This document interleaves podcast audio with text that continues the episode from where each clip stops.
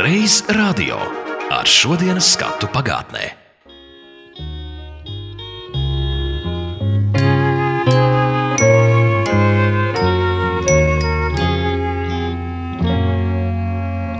Labvakar, mans mazais draugs! Vai tu vari ticēt, ka pirms daudziem, daudziem gadiem, tik daudziem, ka nepietiks tavu un manu roku un kāju pirkstu, lai tos visus saskaitītu? Tātad patiešām pirms daudziem gadiem es, tavs pasaku tēvocis, biju gandrīz tāds pats kā tu šodien, un arī man patika pasakas. Ar šiem vārdiem pirms vairākiem gadu desmitiem radio ik vakaru sāka raidīt pasakiņu pirms miega. Nav zināms precīzs pirmās pasakas skanēšanas datums, bet fonotēkā glabājas vakara pasakiņas ieraksti, kas ir datēti ar 1964. gadu. Un stāstnieks ar šo silto balss tembru, kas gadiem ilgi priecēja un vēl aizvien ierakstos priecē mazos radio klausītājus, ir Harijs Misiņš. Šajā raidījumā mēs uzzināsim, kāds bija sākums šim pasaku projektam, kas rakstīja pasakas, kas dziedāja miega dziesmīs, un kāda ir sajūta, kad radio ļaudis tagad uzaicina kādu sabiedrībā zināmu cilvēku ierunāt šos vakara stāstus. Iesākumā radio rīkoja konkursu par pasaku stāstniekiem. Tajā tika uzaicināti vairāki tolaik zināmi aktieri - Velta Līne, Kārlis Trencis, Anta Klints. Bet pēc noklausīšanās izvēle krita uz toreizējo operetes teātra aktieri Hariju Misiņu. Vakara pasaku laiks kopš 1964. gada pārsvarā bija nemainīgs. Tas skanēja aptuveni 10 minūtes pirms pulksten 21. Visu šo gadu laikā tikai reizi uz nedēļu pārtrauc raidīt. Tas notika 1984. gadā, kad traģiski gāja bojā pasaku tēvocis, kā viņu dēvēja daudzi mazie klausītāji, Harijs Misiņš. Bet vēl aizvien, kaut arī nu jau pasaku lasītāju skaits ir krietnes pulks, vakaros varam dzirdēt Harija Misiņa balsi un viņa uzrunu draudziņu. Aktierim Misiņam Arī mājās bija savs draugs, sieva skaidrīte. Tā viņi viens otru mēdza uzrunāt par draudziņu. Skaidrīta bija tā, kura pirmā dzirdēja, kā aktieris mājās vingrinājās šo pasaku lasīšanā, un viņai arī ir stāsts par to, kā iespējams aizsākās šīs vakara pasaciņas, jo savulaik Skaidrītas brālis, kuram tolaik auga dēls, uzrakstīja vēstuli uz radio. Man brālis kādreiz rakstīja kaut kur 50 gadu beigās to vēstuli uz radiofonu par tām pasakām. Brālis Andrejs Ingutim tad bija četri gadiņi viņa dēliņam. Un tad viņš izdomāja, kad viņš bija klausies ārzemē radio un, un dzirdējis, kad vakaros tur lasa bērniem pasakas. Un pat cik viņš tāds rakstītājs bija, viņš strādāja te redakcijā. Un, Kurā redakcijā? Viņš strādāja Ergļu kolhozniekā laikraksts laikraksts Sērgļu kolhoznieks, un tur viņš vadīja satīras un humora daļu tam laikrakstam. Jūsu brālis rakstīja vēstuli uz rādio. Uz rādio viņš uzrakstīja vēstuli, vai mūsu rādio arī nevarētu ieplānot tādu raidījumu bērniem vakarā tās vakar pasaciņas, jo ārzemēs daudzās raidstacijas raida tieši vakarā bērniem tās pasaciņas. Ņemot vērā, ka tie bija padomju laiki, viņš jums ir stāstījis, kas tās bija par raidstacijām? Noteikti tās raidstacijas, ko mēs varējām uztvert, kurām nebija tā zāģis virsū. Es nedomāju, ka tur Amerikas balss vai kaut ko tādu tādas lietas jau ne. Viņš saņēma atbildi no radio. Ne, ne, radio neatbildēja. To viņš man nepastāstīja, viņš man pastāstīja tikai tad, kad mēs ar Hariju bijām satikušies un dzīvojam kopā. Un tagad sāk lasīt tās pasakas, un tāda sakritība vēl kā Harijs, tāda sagadīšanās. Un neienāca viņam prātā, lai viņš man tur stāstītu, ka viņš ir tādu vēstuli uzrakstījis. Bet tad, kad mēs jau ar Hariju bijām kopā, viņš saka, tu zini, no kurienes tās pasakas Harijam ir. Harijs man ir tagad parādā šampaniet. Viņš tika pie tām pasakām. Skaidrīta misiņa bija tā, kas ik piekdien gāja uz radio paņemt jauno pasaku eksemplārus, jo viņas darba vieta bija turpat netālu. Tās pasakas pie sārga vienmēr bija atstātas rādīfonā, un es paņēmu tās pasakas, pārnesu mājās. Un tad eh, parasti pirmdienas eh, rītos viņš tās pasakas izlasīja, un otrdienās gāja uz tiem ierakstiem. Viņš arī mājās eh, trenējās. Viņš visus vis tos eksemplārus, uz tiem eksemplāriem tur viss ir viņam sazīmēts, visus tos akcentus, viss viņš salika tur uz tajos eksemplāros, lai varētu raiti nolasīt. Tad viņš ļoti uzmanīgi visur tos akcentiņus salika un lasīja tādā pusbalsī. Es parasti sēdēju uz dīvānu, šitā paša dīvāna, es skatījos televizoru, un uz šī rakstām galda, tā, tā lampa, šī pati lampa, gulēja mūsu kaķēns, arī mīlulis kaķīts. Un Harijs lasīja savus pasakus, un skaits ar ķepiņu, kā regulēja viņam to pildspalvu vienmēr, viņš darbojās. Nu, tā kā mēs visi bijām iesaistīti tajās pasakās, tā uzruna, ko Harijs Misiņš vienmēr teica, labvakar, mazo draudziņu, vai tā tika uh, apzināti iestudēta, vai viņš tā arī uzrunāja cilvēkus par draudziņiem? Mēs viens otru pa draudziņu saucām, uzrunājām. Mums cita uzruna nebija. Draudziņi, tā mēs arī viens otru uzrunājām. Es nezinu, vai tas nāca no pasakām, ja tas tā mums kaut kā bija uzreiz pašā sākumā. Ja mēs runājam par tiem mazajiem draugiņiem, kam šīs pasakas tika adresētas, jā, viņa darba vieta bija operetes teātris, bet man šķiet, ka viņš vairāk bija zināms kā pasaku onkulis. Vai bija tā, ka apkārt rādu draugu un kaimiņu bērnu atpazina, ka lūk, tas ir tas misiņu onkulis, kas mums pasaka stāstu. to viņu. Sevišķi mūsu mājās, kaimiņos dzīvo arī tāda meitenīte. Viņa bieži satikās trepēs, kad nāca Harijs vai no mēģinājuma, vai viņa no bērndārza, viņa nāca ar mammu, un trepēs satiek Hariju, un tad viņa tā nosaka, pasaku stāstītājs tāds. nu, ļoti aizkustinošs brīdis bija, kad es kapos tur kopu Hariju kapiņu, Un tad vecmāmiņa ar savu puisīti iet garām un apstājās un tur noliek tādu puķītu uz tām trepīdēm un, un saka tam savam mazdēliņam. Viņa saka, kad manis vairs nebūs, tu nekad nepaēji garām šitai vietiņai. Tu zini, kas te guļ. Te guļ pasaku tēvots, kas stāsta tev katru vakaru pasaciņas. Nekad tu nepaēji te garām vienmēr apstājies. Labvakar, mazo draudziņu! Tu droši vien jau būsi dzirdējis pirmo pavasara dziesmiņu. Tā ir gauži vienkārša. Zin, zin, ver, zin, zin, ver. Nomet svārkus, nomet svārkus, pavasaris. Arī zaķu māte izdzirdēja šo speķu zīlītes dziesmu un atcerējās, ka viņas baltais kažociņš nav tas piemērotākais apģērba gabals pavasarī. Jāšuj jauns. Zaķa māte pārcelāja pūra lādi. Jā, Ja savulaik Harijs Misiņš bija pasaku tēvocis, tad radioredakcijā par pasaku vecmāmiņu dēvēja bērnu raidījumu redaktori Ilgu Sirmeli. Viņa pati sacerēja pasakas, un to skaits ir pāri par trīs simtiem taktiska, mīļa, iejūtīga. Tā ilgu sirmeli atceras viņas toreizējie kolēģi, un tādas ir arī viņas pasakas - labestības un miera pilnas. Man tāds slapjumiņš bijis nebijis. Vai aizmirsi, krustmāmiņa žagata stāstīja, ka cilvēki ziemā peldoties ledū izcirstā āliņģī, viņa pat caur logu televizorā redzējusi. Mazulīt nedomāja apšaubīt krustmāmiņa žagatas teikto, tomēr iebilda. Tie visi ir lieli, stipri vīri, bet tu tikai tāds mazs rūķis puišelis. Čips uzmeta lūpu. Katrs puika viņa vietā būtu apvainojies. Katram cilvēkam ir vajadzīgas pasaku brilles, katram savas, katram maz drusciņi citādas. Tad viņš spēs vērīgāk ielūkoties dzīvē, kļūs redzīgāks, dzirdīgāks un arī iejūtīgāks vai mazie draudziņi visā Latvijā maz zina, kurš tad palīdz pasaku tēvocim katram vakaram atrast un izstāstīt jaunu, gudru, pasakainu miega pasaku.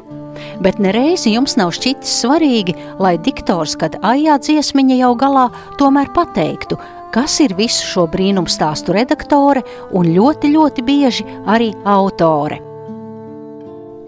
Tā 1975. gadā žurnālā Skola un ģimene par ilgu sirmeli rakstīja viņas toreizējais kolēģis, žurnālists Raitis Kalniņš.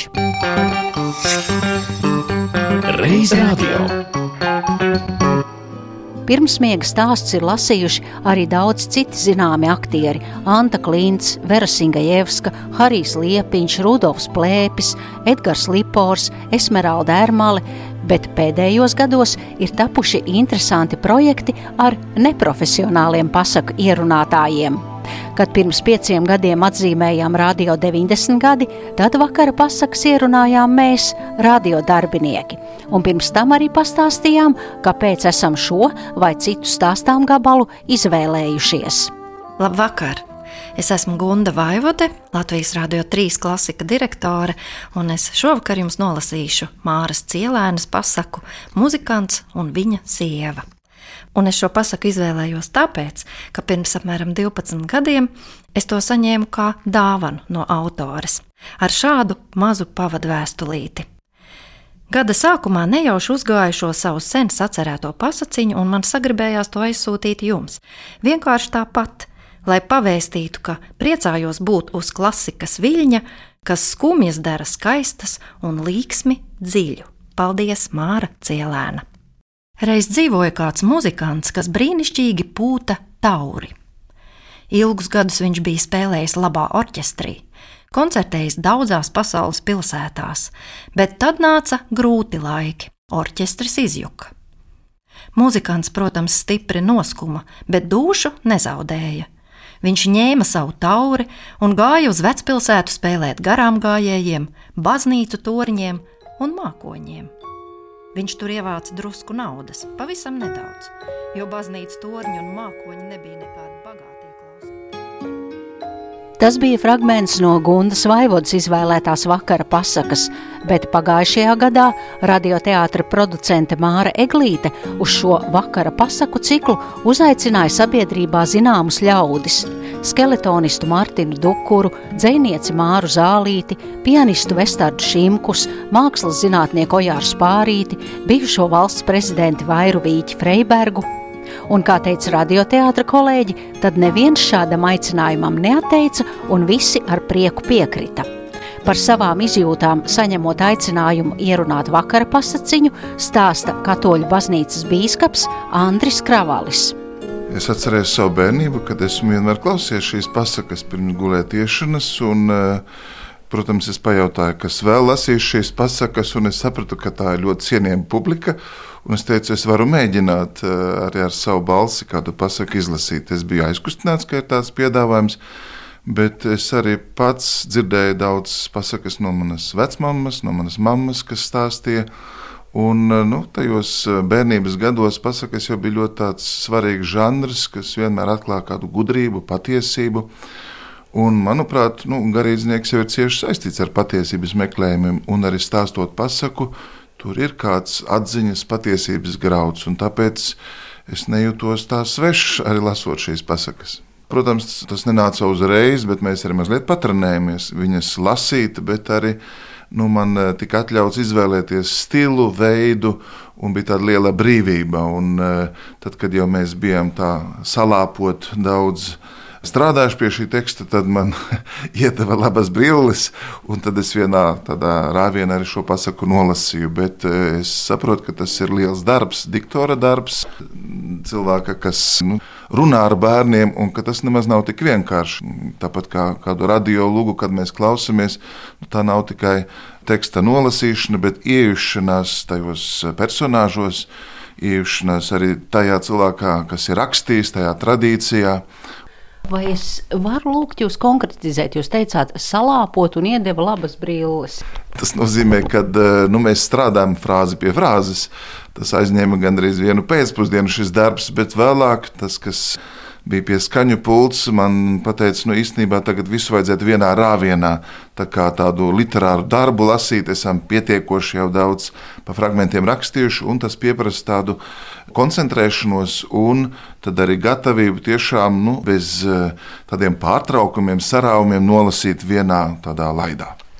Tur gadījās labas brilles, ar kuras es varēju mierīgi nolasīt. Vai jums nebija savu brīļu? Tad... Es vispār nelietoju brilles, bet es sapratu, ka brilles man tajā brīdī labi palīdzēja. Labvakar! Šovakar pasaku lasījuši es, Bīskaps Andris Kravalis. Es nāku no lielas ģimenes, mēs esam pieci bērni, un vienmēr pasakām, stāstiem, teikām mūsu ģimenē ir bijusi liela nozīme. Ne tikai mani vecāki, bet vecmāma Rozālija bieži vien, lai mūs nomierinātu, stāstīja kādu dzīves atziņu un bieži vien to ilustrēja ar kādu notikumu. Protams, viņi arī bieži vien atcaucās uz Bībeles tekstiem, uz Bībeles gudrību, bet tieši šodien mēs redzam, kā labais uzvar ļauno, kā ļaunais pats tiek satriekts sevī. Un tāpēc vienmēr folklora, mūsu tautas kultūra, ir tā, kas mūs atver uz mūžību, atver uz bezgalīgo. Un pasaka mums būs par vēju un viesuli. Vienam tēvam bija divi dēli - vējš un viesulis. Kādu dienu tēvs iedod katram dēlam trīs dukātus un saka tā: Še, bērni, katram trīs dukāti. Ejiet pasaulē vēl citus trīs piepelnīt klāt.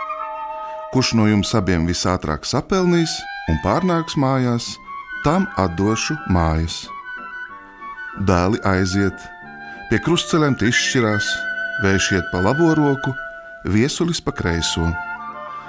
Pirmo dienu vējš salīkst pie saimnieka labību vētīt un sienu žāvēt.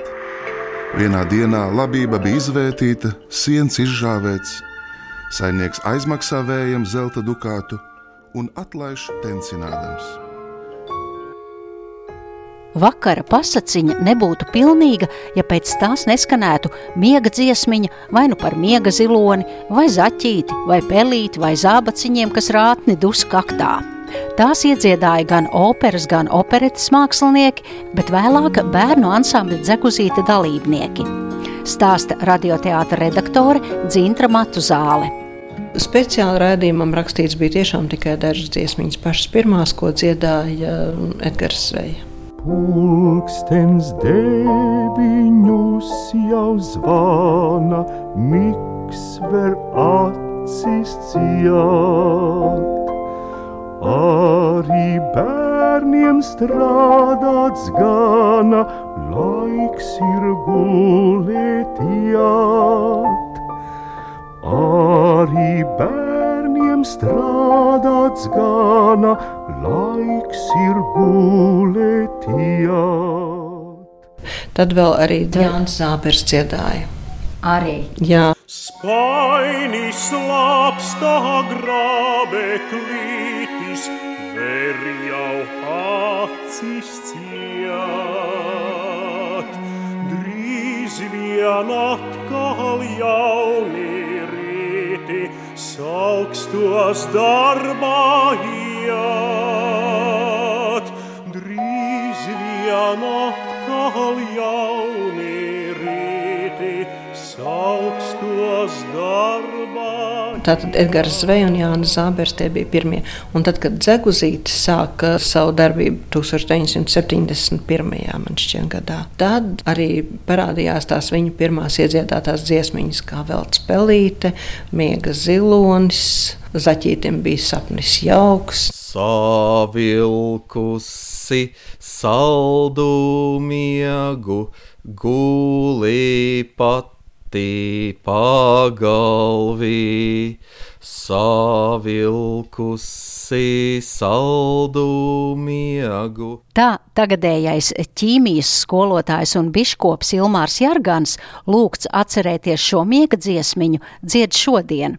Bet pagājušā gadsimta 70. gadu sākumā četrgadīgais Ilmārs pat neapjauta, ka pelīte saldo miegu vilks gadiem ilgi un vēl šobaldienu. Nu, sākotnēji jau bija nonākšana Zaguzītē. Pēc tam, acīm redzot, mani kā pašu jaunāko dalībnieku ansamblītim izvēlējās šīs dziesmas dziedāšanā. Vai tas bija dzeguzīts repertuārā, vai jums stāstīja pirms tam, kāpēc ir jādzied mazajam Ilmāram miega dziesmiņa? Nu, nē, tieši to es nevaru pateikt, bet vienkārši tā bija viena no dziesmām, kuru mēs mācījāmies, un tā tika piedāvāts iedziedāt viņu. Un, protams, vairāk kārtīgi, un es kā būdams centīgs, arī visu tā centīgi izdziedāju ar visiem ņem.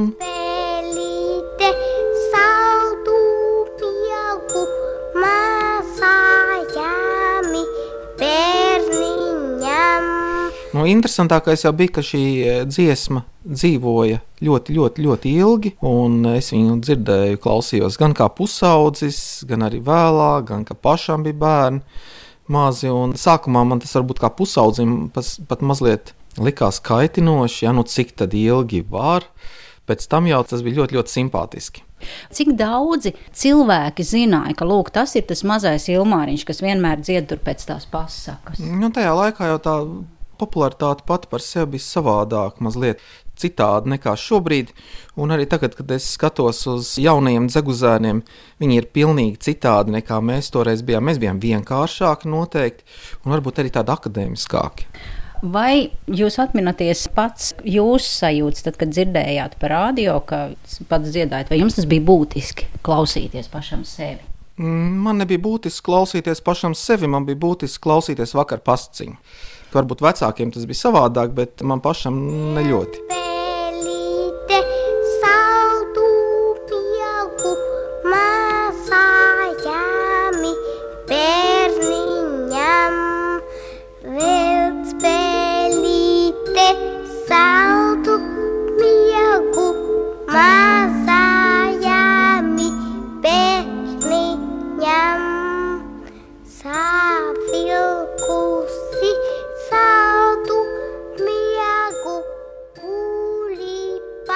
To arī skan šis raidījums. Ceru, ka tas nepadarīja jūs miegainus, tik atsauc atmiņā bērnu dienu radio pasakas. Raidījumu veidoja Zane Lāce.